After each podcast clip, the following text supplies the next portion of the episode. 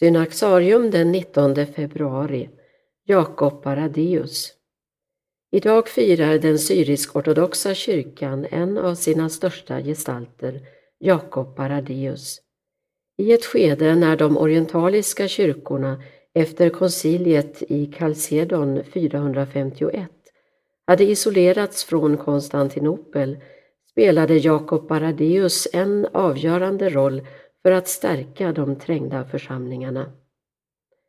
Jakob växte upp i Tela Mausalat öster om Edessa där hans far var präst. En stor del av sin uppväxt tillbringade han i ett lokalt kloster.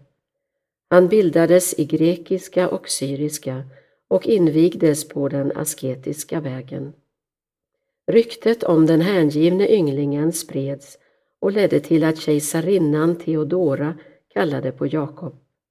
Motvilligt begav han sig till Konstantinopel men lockades inte av glansen vid hovet utan drog sig tillbaka till ett kloster där han levde i en avskild cell under de år han vistades i den kejserliga staden.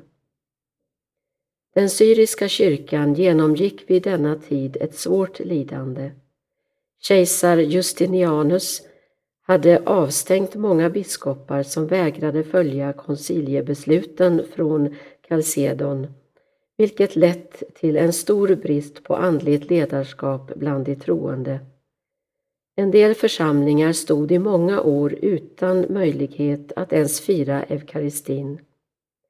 När kejsarinnan Theodora insåg situationens allvar gav hon i uppdrag åt Jakob Baradeus, vars karaktär hon imponerats av, att restaurera den syriska kyrkan.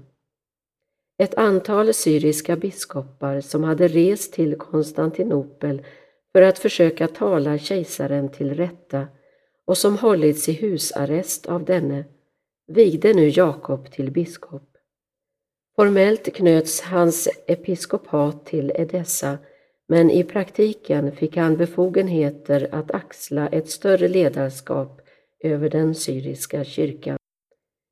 Djupt formad av ett liv i askes och enkelhet, alltid klädd som tiggare. Namnet Baradeus kommer av den mantel av hästhår som han bar. Gjorde Jakob nu omfattande resor för att bygga upp kyrkan. Han vandrade till fots genom mindre Asien, Syrien, Mesopotamien, ända bort mot Armenien och gränsen till Persien. Överallt ingöt han nytt mod i de troende och insatte herdar för kyrkan. Hans levnadstecknare säger att han under sitt liv vigde ofattbara 80 000 präster, bland dem 89 biskopar och två patriarker. Jakob Aradeus var en oomstridd ledare för den syriska kyrkan under 500-talet. Han har efterlämnat mycket lite i skrift, men den så kallade Jakobsliturgin är uppkallad efter honom. Under en resa till Egypten dit han var på väg för att förbättra relationerna mellan den koptiska och den syriska kyrkan blev Jakob svårt sjuk. Han avled den 30 juli 578 i ett kloster nära den egyptiska gränsen.